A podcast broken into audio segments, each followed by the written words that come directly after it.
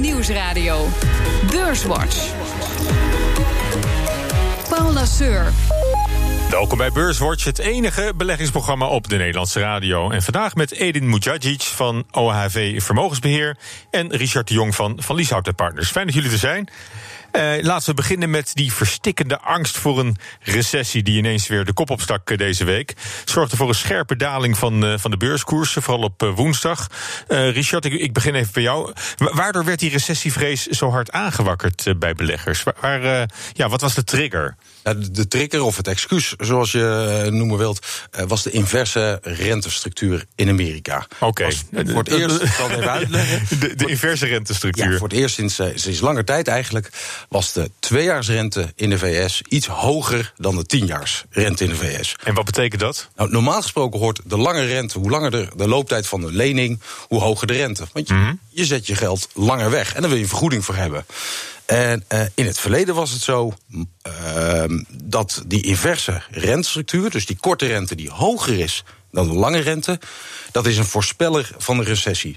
Ja. Althans, daar wordt van uitgegaan. Ja, Eden, is dat een beetje een betrouwbare voorspeller van een recessie? Kun, kunnen we daarvan op aan? Dat is in het verleden inderdaad uh, bijna altijd een zeer betrouwbare voorspeller geweest. Uh, en ik wil toch het woordje uh, geweest onderstrepen, want zoals we allemaal weten. Uh, leven we uh, ondertussen al een aantal jaren in, in, in meest bizarre, absurde economische omgeving. Met zaken die nu worden gedaan die tot voor kort mm. uh, onbestaanbaar waren. En het kan dus best zo zijn dat de werking van die markten, waar de rente ontstaat, zodanig vervormd is dat je terecht kunt afvragen wat in het verleden altijd een goede voorspel is geweest. Is dat nu ook het geval? Dus oude wetmatigheden gaan misschien Die hoeven niet meer, op te gaan. Maar ik heb ook wel eens iemand horen zeggen. Zeg nooit, this time it's different. Nee, dat dan zeg kan, ik ook dan niet. Kan je op de koffie komen. Dat is zo ongeveer de uh, enige zin die je als econoom eigenlijk nooit mag uitspreken. Maar je doet het niet, uh, toch? Nou ja, uh, kijk, die rente die ontstaat door het spel van vraag en aanbod naar het geld. Normaal gesproken mengen instellingen als centrale banken zich nauwelijks op die markt. Naarmate de looptijd langer is, des te minder aandacht zij en minder invloed zij op die markt hebben. Nou, dat is natuurlijk afgelopen jaren totaal anders geworden met grootschalig opkopen van staatsobligaties. Dus je bent, hoe je het ook went of keert, bezig met het kunstmatig, zo je het wilt noemen, toch beïnvloeden van die markt. En als je die lijn doortrekt, dan mag je in mijn ogen oprecht afvragen. Hmm op het moment dat die gemanipuleerde markt, als het ware, nu een signaal afgeeft. die in het verleden altijd aangaf: er komt een recessie aan. in hoeverre gaat dat nu op? Dat vraag ik me oprecht af. Dus wat, wat, wat, wat denk jij, Richard? Is, is een recessie uh, onafwendbaar als je, als je dit signaal krijgt? Of ben je het eigenlijk met één en eens als Ik- je ik zegt: het, het is, uh, je, je moet er tegenwoordig heel anders naar kijken? Ja, ondanks dat ik inderdaad niet hou van die zin, ben ik het in dit geval echt volkomen met hem eens. Eh, ho- hoewel natuurlijk niemand kan voorspellen dat er geen recessie aankomt, dat wil ik echt niet beweren. Eh, ik wil alleen beweren dat dit signaal dit keer waarschijnlijk niet opgaat. En er is namelijk een heel belangrijk verschil met het verleden. Eh, Want twaalf jaar geleden eh, deed het zich ook voor, hè, deze inversie op de Nou, het, het heeft obligatiemarkt. zich heel vaak voorgedaan, Ja. maar niet altijd als het zich voorgedaan kwam er een recessie.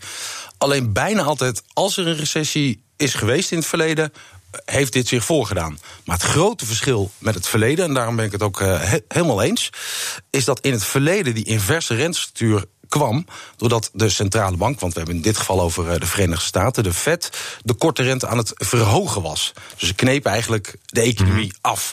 En die lange rente bleef gelijk en de korte rente ging omhoog, waardoor je die inverse structuur kreeg.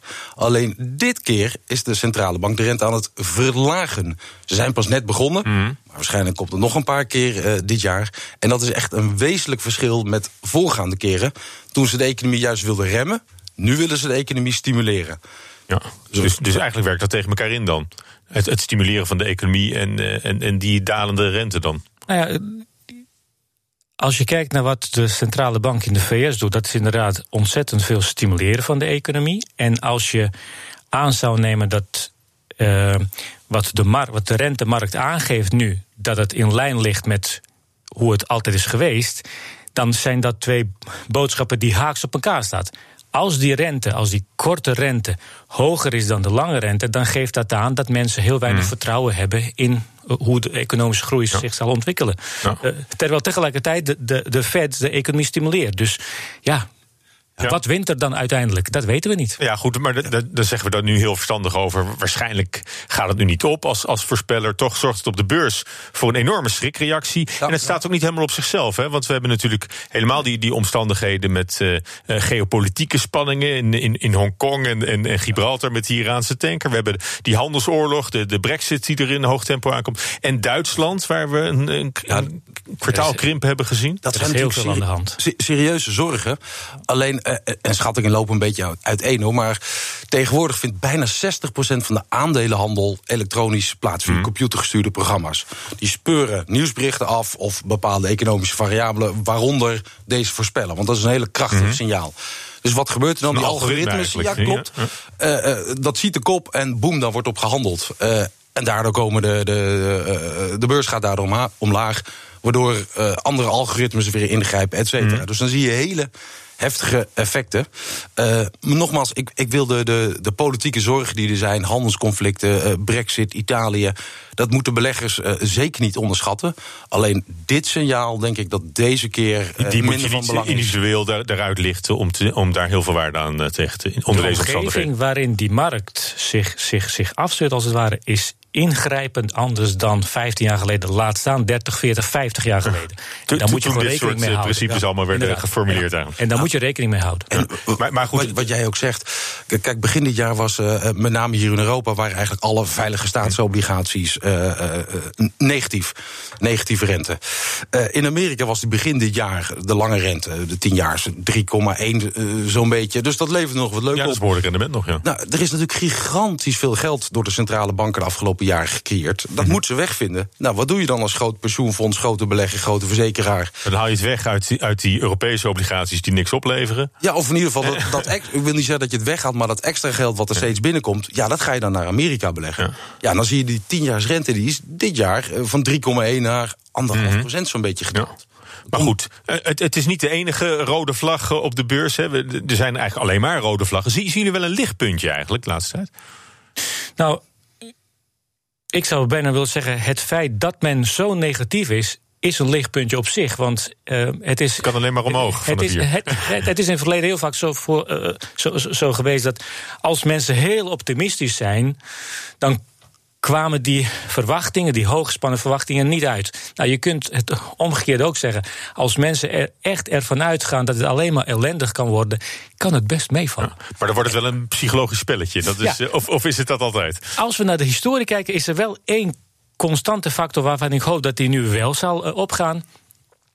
Als de markt overtuigd is dat er een recessie aankomt, of dat de kans op recessie uh, hoog is, dan leert de historie dat dat niet betekent dat de aandelenkoersen over hoogtepunt heen zijn. Als je de geschiedenis erop naslaat, dan zie je dat hoogtepunt in aandelenkoersen pas na een maand of 10, 11 komt. Dus als de geschiedenis ons, iets leert en als het nu opgaat, dan kunnen we ons opmaken op nog hogere aandelenkoersen. Dat is toch wel goed nieuws, denk ik. Maar je begon eigenlijk deze uitzending met te zeggen van... wat de geschiedenis ons leert is eigenlijk niet veel waard onder deze omstandigheden. Alles, dus dat, dat zou dan een mooie meevaller zijn. En, nou, uh, en, en de ECB, eh, gaat die nog in actie komen om, om een recessie zo die eraan komt? Nou ja, in Duitsland... Die moet wel. Uh, die, die gaan de rente nog, nog verder verlagen. Als je maandenlang hebt gezegd als de economische vooruitzichten slechter worden, dan komen we in actie. En die economische vooruitzichten die worden slechter, kun je nu niet maken om niet in actie te komen. Oké. Even terugblikken. Het is eh, de week waarin, we bespraken het al even, recessievrees de boventoon voerde. Toch is niet iedereen op Wall Street ervan overtuigd dat hij vandaag of morgen al op de deur klopt. Whether we tip over into recession, it hinges on one thing and one thing only, the labor market. Do companies decide to start laying people off in mass in a way where the unemployment rate starts going up? Okay, they're, they're doing what they can without laying people off. But if this gets worse, they will lay people off and then you'll have the end. Now, once again, I will make it perfectly clear the time to make that call is not now. Ja, dat was een analist van eh, Morgan Stanley, ik geloof de hoofdeconoom. Uh, die zegt dat we in de eerste plaats moeten kijken naar de arbeidsmarkt. En dat een recessie pas in beeld komt uh, zodra bedrijven massaal hun werknemers beginnen te ontslaan. En zover is het nog lang niet. Dus zeker niet in Nederland, bij ons. Integendeel, daar is een enorme krapte gaande. en bovendien staan centrale banken alweer klaar met hun vinger aan de trekken om de rente nog verder te verlagen. Om zo nodig de economie nog wat meer te stimuleren en te behoeden voor een recessie. Maar de ECB krijgt een hoop kritiek van banken en verzekeraars op dat extreme rentebeleid. Banken kunnen nog amper 0% rente geven op spaarrekeningen. Als het extreme beleid extreem lang doorgaat uh, en uh, de markt gaat daarop reageren, kan je niet als enige partij eigenstandig die garantie uh, geven. Dus helaas is die garantie niet meer mogelijk. Ja, en dat zei topman Wiebe Draaien van de Rabobank deze week op de vraag of, of Rabobank de, de, nog wel kon volhouden om, om de rente te bieden die ze doen.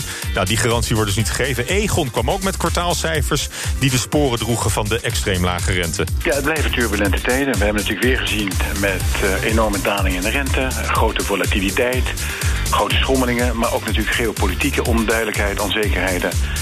En dat maakt het natuurlijk moeilijk om in dat soort uh, omgeving uh, nou ja, ervoor te zorgen dat alles optimaal gaat. Ja, dat is een beetje een understatement. En eerder liet Ralf Hamers van ING ook al felle kritiek horen... op de extreem lage rente en het ECB-beleid. En niemand in de financiële sector zit te wachten op een volgende renteverlaging. Nee. Ja, nou ja, maar ze kunnen er ook niet onderuit komen, Kijk, denk ik. Hè? Als, we, als, we heel sim, als we het heel simpel gaan houden... waar verdient een bank zijn geld aan? Dat is geld aantrekken en geld uitlenen. En het verschil tussen de rente die de bank betaalt en ontvangt... is in de kern de winst van de bank. Nou, dat is natuurlijk heel leuk in normale omstandigheden. Als de rentes omlaag gaan en mijn collega had het net over inverse yieldcurve. Dus uh, het betekent dat, dat het nu heel vaak zo, zo is dat je de rente die je betaalt is hoger dan de rente die je ontvangt. Ja. ja daar moeten we niet raar op kijken als de winstcijfers van de financiële sector. Ja, dan worden alle financiële spelers uh, er echt helemaal tussenuit uh, geknepen. Tuurlijk. Maar dus die, die gaat nog wel verder, verder omlaag. Dat schat jij ook in, Richard. Ja, je moet op dit moment afblijven, denk ik, van, uh, van bankaandelen en verzekeraars. Maar ik wilde even terugkomen. En, uh, jij zei, het gaat slecht met de economie en dergelijke, we moeten bang zijn, recessie. Uh, dat komt wellicht omdat we zo vlak bij Duitsland zitten. Mm. Uh, maar de maakindustrie gaat niet goed. De dienstensector, zeker in Amerika, gaat helemaal zo slecht nog niet. Dus we moeten onszelf niet zoveel problemen aanpraten. Ja, we bespreken, uh, te, zometeen praten we verder, ook over de problemen van de Duitse economie, een Brexit-update en de laatste ontwikkeling in de handelsoorlog tussen China en de VS. Tot zo. BNR Nieuwsradio. BNR Beurswatch. Waarin we de belangrijkste beursontwikkelingen van de afgelopen week bespreken. En dat doe ik met Edin Mujagic van OHV Vermogensbeheer en Richard de Jong van Van Lieshout Partners. Ja, eerst maken we de balans op, zoals altijd van de afgelopen week. De AIX-index is daarin net onder de 542 punten geëindigd. Dat is 0,1% lager dan de slotstand van vorige week. Dat valt mij nog mee. Het voelt alsof we een stuk harder zijn gedaald eh, deze week. Maar dat komt natuurlijk door die scherpe koersval op, uh, op woensdag. Uh, de grootste stijgers in de AIX afgelopen week. Dat was Unilever aan kop met 5% winst. ABN AMRO steeg 3,7% en KPN kreeg 3,5% erbij in de week. Het midcap aandeel dat het best presteerde deze week was WDP, plus 4,5%. Dalers. De drie grootste dalers in de AIX. IMCD verloor 19% deze week. Egon min 6,8% en DSM 3,8% lager.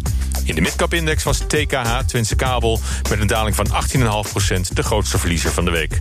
De AX is deze week twee van de vijf handelsdagen lager gesloten. Maandag eindigde de beurs onveranderd. Ja, Egon verspilde 7 procent. We hoorden Wijnands al even, even langskomen eerder in de uitzending... naar die tegenvallende cijfers eh, donderdag. Wat is, wat is jouw verklaring, eh, Richard, voor die scherpe daling van het aandeel Egon? Nou, met name de dochter Egon Nederland. Daar vielen de buffers heel erg tegen. Uh, dat is een vrij technisch verhaal, maar eigenlijk komt het erop neer. ze zijn heel groot in, in hypotheken. Mm. Daar moeten ze meer geld voor apart zetten. Uh, omdat het uh, profijtelijker, maar ook risicovoller is geworden... volgens de regels uh, van de wet. Want de rentemarge is, is gestegen. En daardoor dalen de buffers. En dan denk je, nou, nou en, wat maakt dat nou mm. uit? Maar Egon Nederland is zeg maar een hele grote contributeur van het dividend. Wat Egon mm. Holding, wat het aandeel uitkeert. Uh, nou is de angst van veel beleggers, ja, als het met Egon Nederland wat minder gaat, als die buffers naar beneden gaan, kunnen ze ook minder dividend uitkeren aan de holding. En dus uiteindelijk minder dividend uh, naar de aandeelhouders. Nou, in de praktijk viel het nog wel mee. Sterker nog, Egon verhoogt het interim mhm. dividend. Maar op lange termijn, dit soort dalende buffers, en ze zijn eigenlijk al bij de kritische grens. Uh, dat, is, uh, dat vinden beleggers uh, geen goed nieuws. Ja, dan wordt een beetje uitgehold op die manier. Aan de andere kant zien we Unilever 5% stijgen deze week. In, in wat verder niet zo'n beste beursweek was. Is, is dat een teken dat nou een typisch recessiebestendig aandeel is? Ja, dat zijn dus de bekende schuilkelders. En je ziet het niet alleen bij Unilever. we, kijk naar we blijven tanden poetsen. Ook, ook ja, wat ja, minder gaat. Kijk naar een Danone. kijk in Amerika naar, waar ik het de vorige keer over had, een Waste Management, ook een Procter Gamble. Mm of dichter bij huis een, uh, een Nestlé. Dat soort aandelen doen het nu geweldig. Hm. Zijn bijzonder duur qua koers-winstverhoudingen. Dus het is echt geen koopje. Uh, maar dit, dat zijn hele mooie aandelen als het economisch wat minder gaat. Nogmaals, niet economisch slecht, maar economisch wat minder. Zijn het hele mooie aandelen. Nou, zullen we straks aan het eind van de uitzending nog even kijken... waar we, uh, in, in, welke aandelen we ons geld het beste kunnen, kunnen leggen... als er wat uh, slecht weer in de, in de lucht hangt. Om nog even terug te komen op de problemen van de Duitse economie. Hè. Die onverwachte krimp in het uh, afgelopen kwartaal. Er is nog geen recessie officieel. Hè. Dan moet je twee kwartalen op rij een, uh, een krimp uh, vertonen. Um, kun je nou zeggen dat Duitsland meer dan andere landen toch last heeft met die maakindustrie en die, en die machines en, die, en de auto's natuurlijk en de importtarieven die, die ze dwars zitten? En dat heeft dan weer uh, eigenlijk heel veel, zo niet alles te maken met die uh, handelsoorlog die we in de wereld zien. Mm Duitsland is een zeer open economie. Uh, Duitsland exporteert heel veel dingen, omdat de rest van de wereld gek is, gek is op alles wat Made in Germany uh, als stempel heeft. Ehm, als, als je dus voor je economische groei zo afhankelijk bent van A, export en B, met name export naar landen die hard groeien, zoals China. En die landen komen in problemen door de handelsoorlog, dan ben jij ook het eerste land dat daar echt heel veel last van krijgt. Ja komt natuurlijk bij een heel specifiek probleem van met name Duitsland, is die autosector waar je het ook over mhm. had, Paul. Uh, ja, daar speelt natuurlijk wel wat. Dat, ja, dat, dat kennen de luisteraars denk ik wel. Uh, de, de, transitie. De, transitie moet miljarden geïnvesteerd worden.